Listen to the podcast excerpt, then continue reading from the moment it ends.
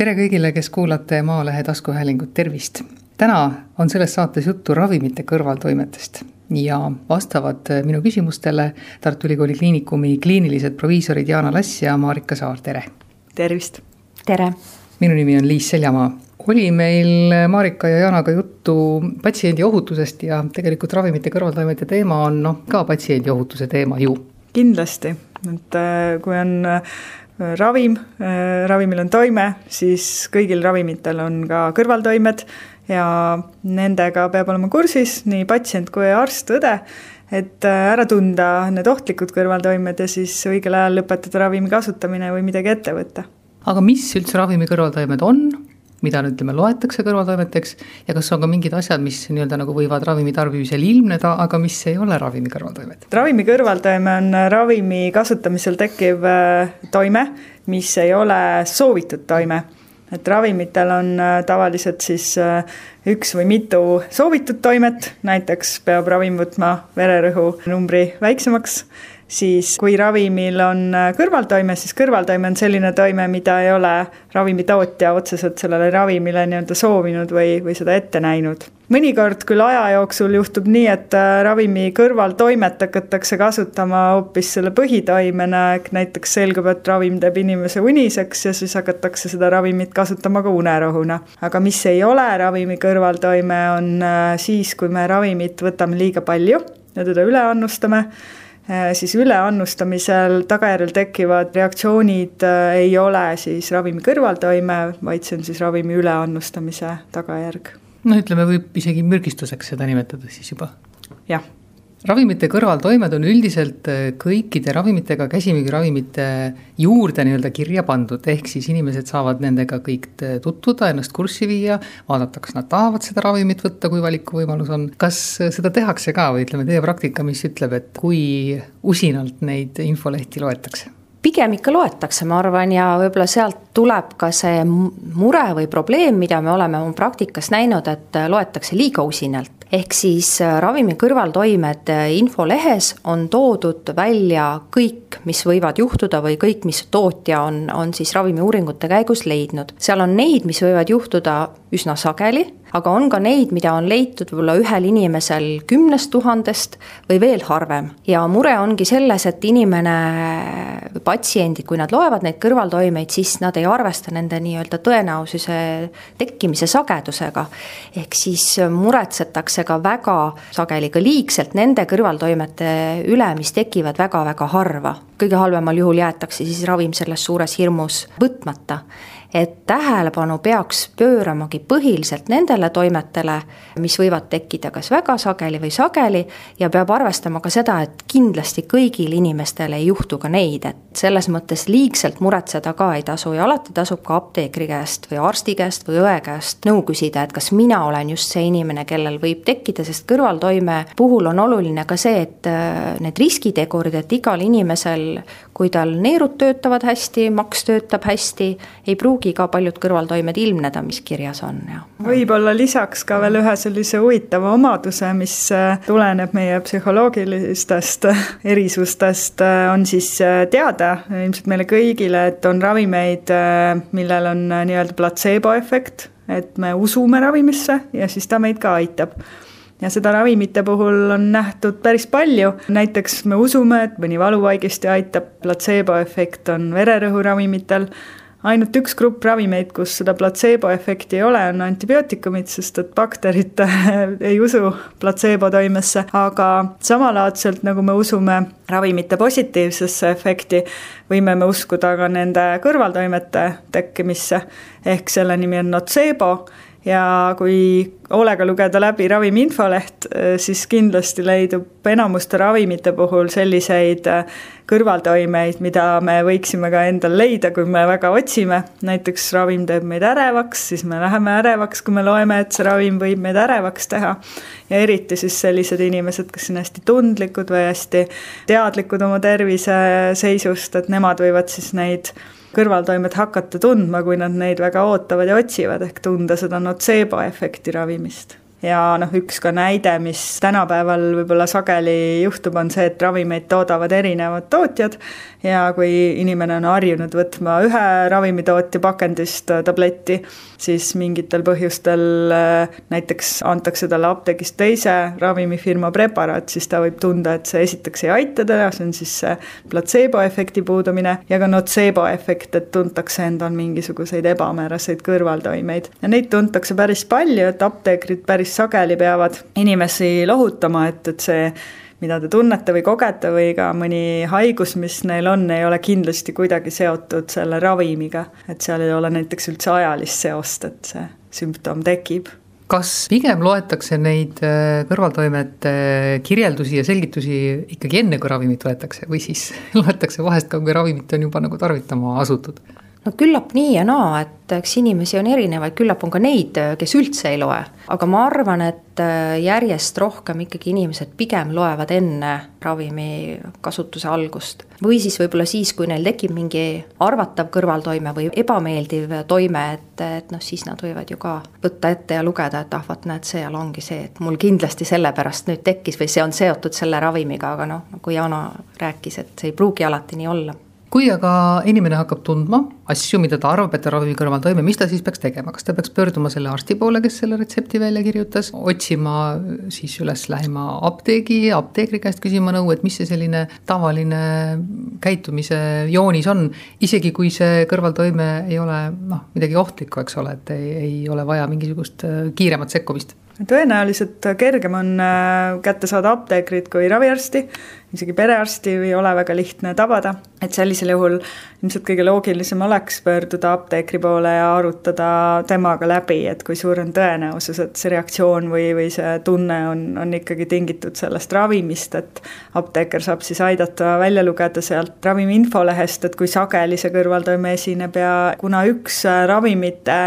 kõrvaltoime alaliike on ka ravimite koostoimed, et siis ka võib-olla vaadata üle need ravimid, mida patsient tarvitab ja, ja vaadata, ega ei ole tekkinud siis kahe ravimi vahel hoopis koostoimet, mis mingit ebamugavust või sümptomeid patsiendile põhjustab. no see peaks olema tegelikult välistatud, sest arstid, kes ju retsepte kirjutavad, näevad, missugusi ravimeid äh, patsient tarbib, kui me räägime retseptiravimitest ainult. et noh, mis käsimüügiravimitesse puutub, vist ikkagi küsitakse enne retsepti kirjutamist ka, et noh, ega te midagi omal käel nii-öelda ei tarvita? No ideaalis kindlasti, aga retsepte kirjutavad erinevad arstid, inimestel on palju erinevaid haigusi, nad käivad erinevate arstide juures ja tõesti, need käsimüügiravimid äh, alati ju ka inimene ei osta neid apteegist, vaid võtab sahtlist midagi, mis seal juba varem on või mida soovitab talle mõni pereliige või sõber ja sellisel juhul see koostoime jääb täheldamata, keegi ei leia seda üles ja veel lisaks on olemas meil siis ka loodustooted, toidulisandid, mis võivad ka osaleda selles ravimi koostoimes, toit ise, näiteks päikesevalgus on ravimeid, mis näiteks ei oma koostoimet mitte ainult teise ravimiga, vaid näiteks UV-kiirgusega, et meil tekib näiteks mõne ravimi võtmise järel päikesepõletus või nahalööve, et see võib olla hoopis koostoime valgusega, et kõiki neid asju tuleb vaadata komplektis, kui see sümptom tekib ja ravimite poolest kindlasti saab abi apteegist, aga kui on tegemist mõne uue haigusega, et siis loomulikult on vaja ka arsti juurde minna no kui tihti apteeki tulevad äh, sellised ärevad patsiendid, et mul on tunne, et mul on sellele ravimile see ja see kõrvaltoime ja et andke siis midagi mulle, mis seda võiks leevendada või ära võtta? no meie ju töötame haiglas, aga ütleme, kolleegid jaeapteegis, kes kohtuvad äh, patsiendiga nii-öelda siis näost näkku, ma arvan, et nad äh, kas nüüd igapäevaselt, aga küllalt sageli need patsiendid võivad sattuda oma niisuguste küsimustega. seda enam, et arsti juurde ligipääs ei ole nii lihtne,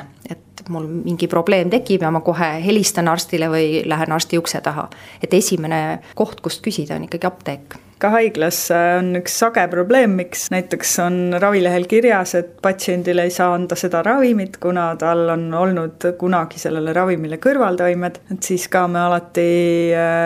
noh, kui ei ole muud alternatiivset ravimit, siis tasub uurida, et mis see kõrvaltoime tähendas, et kas tal oli kakskümmend aastat tagasi ebamugavus äh, kuskil kõhus, kui ta võttis mõnda ravimit või midagi värskemat ja realistlikumalt, et see seos on ravimiga olemas. et neid selliseid sobimatuseid, mis sisult on kõrvaltoimed, on küll. Ja ka haiglas patsiendid siis ei ole nõus mõnda ravimit võtma. Et siis me oleme uurinud, et kui, kui suur tõenäosus on, et see on ravimi kõrvaltoime või on see lihtsalt selline notseebo jällegi ega ravimitootjad ju neid kõrvaltoimeid ei taha, aga kui on mõni selline väga hädavajalik ravim, siis sellisel puhul lihtsalt tehakse need plussid ja miinused ja kui plusside osakaal on suurem, siis lihtsalt läheb nende kõrvaltoimetega see ravim käiku. jaa, ja seal on ka selline huvitav äh, nüanss, mida võib-olla võiksid ka inimesed teada, et äh, mida uuem ravim, äh, seda lühem on see kõrvaltoimete nimekiri reeglina, et uued ravimid, äh, noh, ravimiuuringutes kõik kõrvaltoimed alati välja ei tule, et osad hästi harva esinevad kõrvaltoimed tulevad aastatepikkuse kasutamise järel, lisatakse nad sinna kõrvaltoimete nimekirja, ehk siis kui me vaatame uusi ravimeid, siis nad tunduvad alati sellised toredamad ja ohutumad ja vähemate kõrvaltoimetega aga need kõrvaltoimed siis lisanduvad aastatega. ja noh, üldiselt on nii, et kui ravimil ei ole kõrvaltoimeid, siis äh, väga suure tõenäosusega ei ole tal ka toimet, et see on selline reegel, et äh, iga ravim on mürk ja tähtis on õige annus, õige patsient, õige haiguse jaoks õige ravim. Kas on midagi sellist ka, mis võib aja jooksul nii-öelda nagu üle minna või millega inimene keha harjub, noh, tõenäoliselt on mingid asjad, mis ei lähe üle, mis kõrvaltoimed, mis jäävadki. et inimene siis õpib nendega elama, saab toime, võtab ravimid siis sel ajal, kui kõrvaltoimed ei sega näiteks, kui need mööduvad ja nii edasi, aga midagi võib ju üle ka minna jaa, on küll selliseid ravimeid päris palju, mille puhul ravi alguses on just kõrvaltoimed. näiteks teatud diabeediravimitega ravi alguses võivad olla seedetrakti kõrvaltoimed, kõhuvalu, kõhupuhitus, kõhulahtisus, aga see läheb ajapikku mööda. selle jaoks on ka tähtis patsiendil teada, et niisuguste kõrvaltoimete kohta, et ravi kohe alguses katki jätaks, kui need kõrvaltoimed ilmnevad, vaid tõesti, nagu te ütlesite, et ta lepib sellega ja mõne aja möödudes need lähevad üle ja, ja ravim saab oma tööd teha, milleks ta on mõeldud. ja mõned on ka niisugused kõrvaltoimed, noh, mis ei lähe üle, mis paratamatult kaasnevad näiteks tugevate valuvaigistitega, sageli on kõhukinnisus kõrvaltoimena, mille vastu suurt midagi teha ei saagi, et saab muidugi rohkem vedelikku juua ja liikuda, aga et seal mõnikord polegi muud varianti, kui peab siis selle kõrvaltoime leevendamiseks ka mingit teist ravimit äh, juurde võtma. Tõepoolest, kohati on see hädavajalik, et ravimi kõrvaltoime leevendamiseks ja talumiseks kasutatakse teist ravimit, lisatakse raviskeemi uus ravim, aga selleks on siis hästi oluline aru saada, et see on ravimi kõrvaltoime ja et äh, ei ole tegemist mingi uue probleemiga või uue haigusega. et mis ravimite kõrvaltoimetega võib juhtuda, on see, et kui kõrvaltoime tekib, siis asutakse seda ravima järgmise ravimiga ja selle ravimi, uue ravimi kõrvaltoimed järgmisega mõnikord äh, läheb see ravimite arv äh, seetõttu hästi suureks, et see on selline kaskaad. Ja et, et seda teinekord lahendada, on ikkagi mõistlikum see esimene ravim, mis kõige esimesena kõrvaltoimet põhjustas, ära vahetada äh, mõne sellise ravimi vastu, mis, millel sellist kõrvaltoimet ei ole, et selle arvelt siis vähendada seda, kogu seda ravimite hulka aga see on ka mõnikord, vajab äh, apteekri abi, et, et see algpõhjus tuvastada, et kus see kõik hargnema on hakanud, et millise kõrvaltoime juurde on hakatud siis neid äh, kõrvaltoimet leevendavaid ravimeid äh, lisama. tegemist on enamasti selliste polüfarmakoteraapiat saavate patsientidega ehk inimesed, kes võtavad rohkem kui viite erinevat ravimit ja ja sealt siis lahti arutada, et milline ravim nüüd siis algselt võis näiteks seda kõhukinnisust tekitada, võib-olla seal ongi siis vaja apteekri abi kui palju probleeme tekitab apteekrite vaatest see, et ähm, inimesed omal käel neid äh, lisa noh, nimetame neid siis toidulisandiks või milleks iganes, mida ka apteekides saab tegelikult osta, nagu juurde võtavad. minu meelest äh, on siin kaks olulist probleemi, esimene on see, et kui inimese rahakott äh, on piiratud äh, ulatusega, ehk tal ei ole liiga palju raha, siis apteegis kindlasti on oluline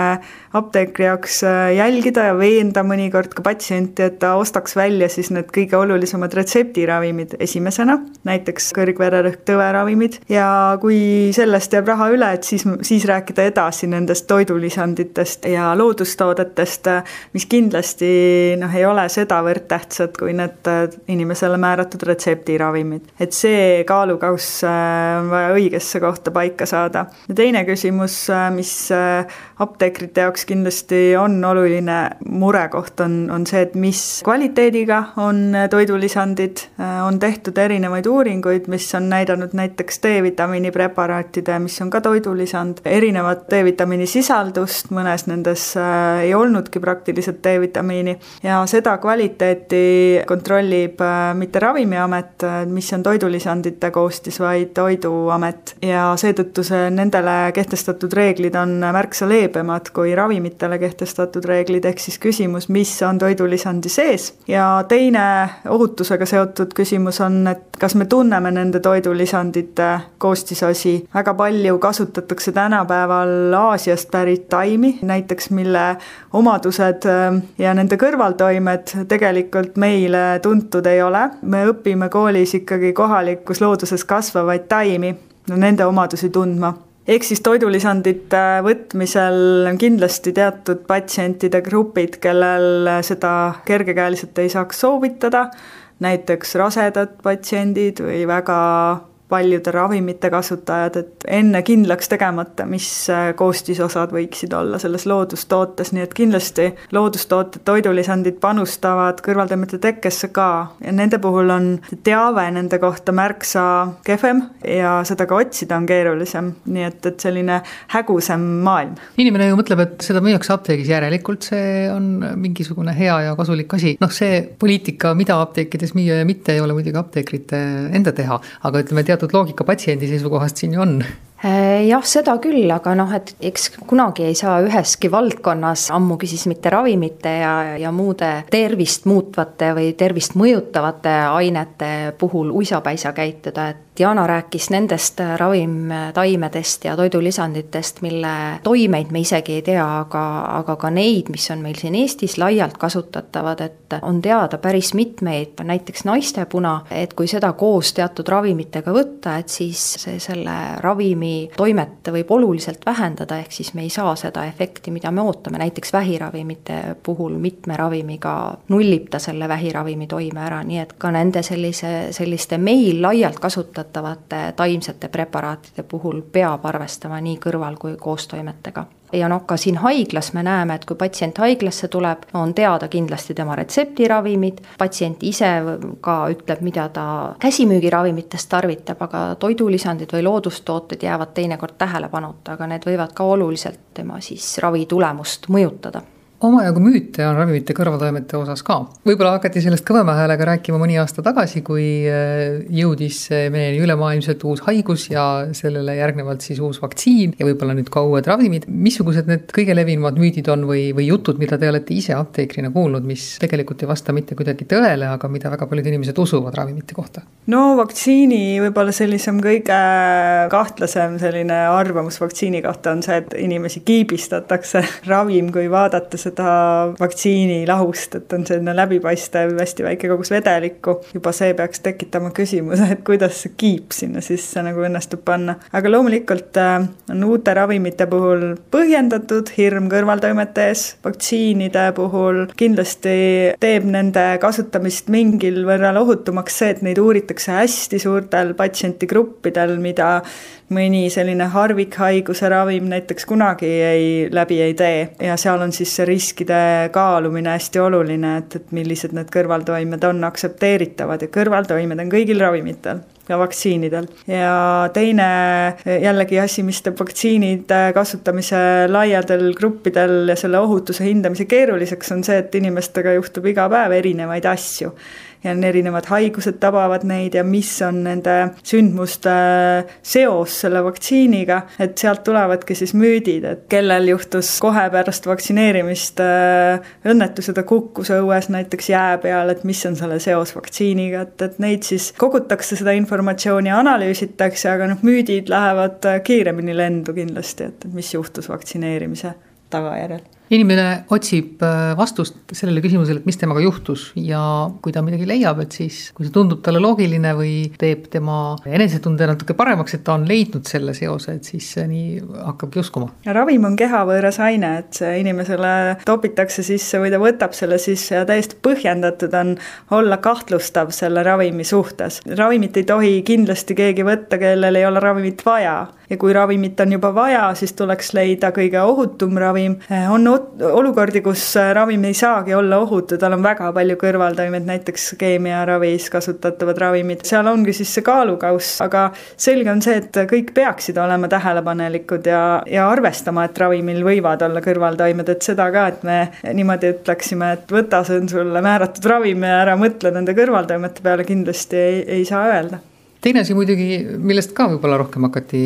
mõni aasta tagasi rääkima, on see, et on päris laialdaselt kasutatavad niisugused preparaadid, mis võib-olla pikaajalisel kasutamisel võivad inimest rohkem mõjutada, kui selle peale igapäevaselt mõeldakse, noh, paratsetamool vist on siin kõige klassikalisem näide. jaa, ka selliseid ravimeid on, mida kasutatakse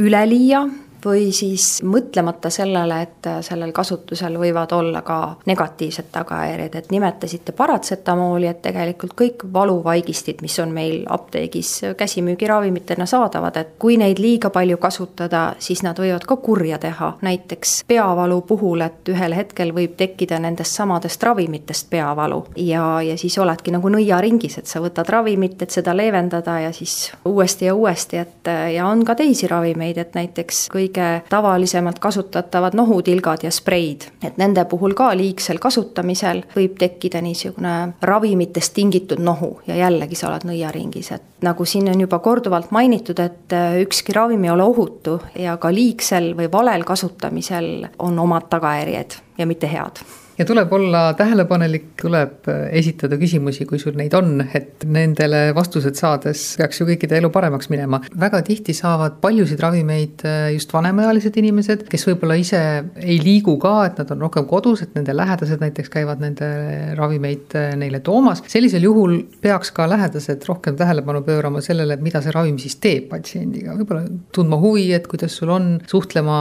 ise tihedamalt raviarstiga või apteekriga ja nii edasi. no kindlasti kindlasti on keerulised äh, olukorrad sellised, kus patsient ise ei käi oma ravimitel apteegis järgi ja ei pääse võib-olla või ei ole tema seisund äh, või vaimne seisund nii hea, et ta saaks kirjeldada neid kõrvaltoimeid, et jah, lähedastel on siin suur roll ja kui mõelda näiteks ka hooldekodude patsientide peale, siis kindlasti ka hooldajatel, et äh, kindlasti on selliseid patsiente, kes jäävadki tähelepanuta ja nende kõrvaltoimed jäävad tähelepanuta, kuna nad ei saa võib-olla ennast väljendada ja lisaks siis ka võib-olla keegi ei süvene nendesse, nendesse kõrvaltoimetesse. inimesi kutsutakse alati üles ka kõrvaltoimetest teatama, isegi vist kõikidel nendel infolehtedel on see kirjas. kuhu inimene peaks siis teatama, kas alati on vaja teatada Ravimiametisse või võib kuhugi veel? Alati võib pöörduda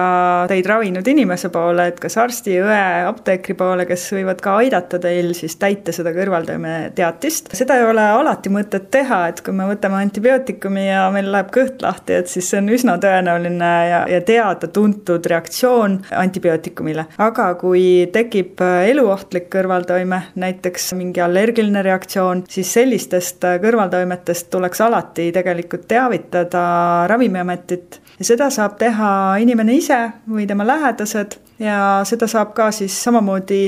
anda teada näiteks mõnes apteegis, et selline reaktsioon juhtus ja paluda abi, et täita see kõrvaltoimeteatis. see ei ole keeruline teha ja, ja, ja mis selle info alusel tehakse, kogutakse siis statistikat, et kui palju selliseid reaktsioone tekib ja selle alusel siis ka uuendatakse neid ravimi infolehti. et äh, jällegi ravim on näiteks olnud kümme aastat kasutusel, siis uuendatakse infolehte, et ta tekitab rohkem näiteks allergilisi reaktsioone, kui esialgu arvati. sellega me panustame ka uute järgmiste patsientide ravi ohutusse no see on muidugi selles mõttes usalduse peal, et ega keegi ju ei kontrolli, kas selle noh, ütleme, kui tõesti ei ole eluohtlikku seisundit, siis ju kutsutakse ilmselt keegi aitama, aga kui inimene lihtsalt ütleb, et mul tekkis niisugune reaktsioon, siis peab siis Ravimiamet või arst või kes iganes seda kuuleb, seda uskuma. ja eks seal ka kindlasti on äh, loogilisi nagu selgitusi ja, ja mitteloogilisi, et kui tegemist on, on sellise kõrvaltoimega, mis mitte kuidagi ei saa sellel ravimil avalduda, et siis noh, ilmselt ta ka tõstetakse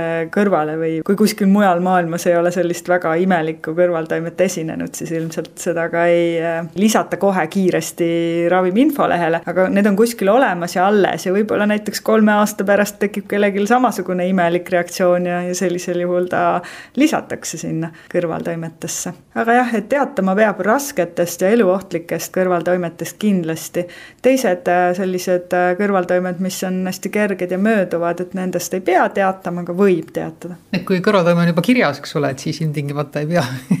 teatama, et mul oli ka. jah, just nii, aga noh, kui kõrvaltoime on kirjas, et on raske kõrvaltoime, siis äh, jällegi on kasulik sellest teatada Teie apteekritena, mida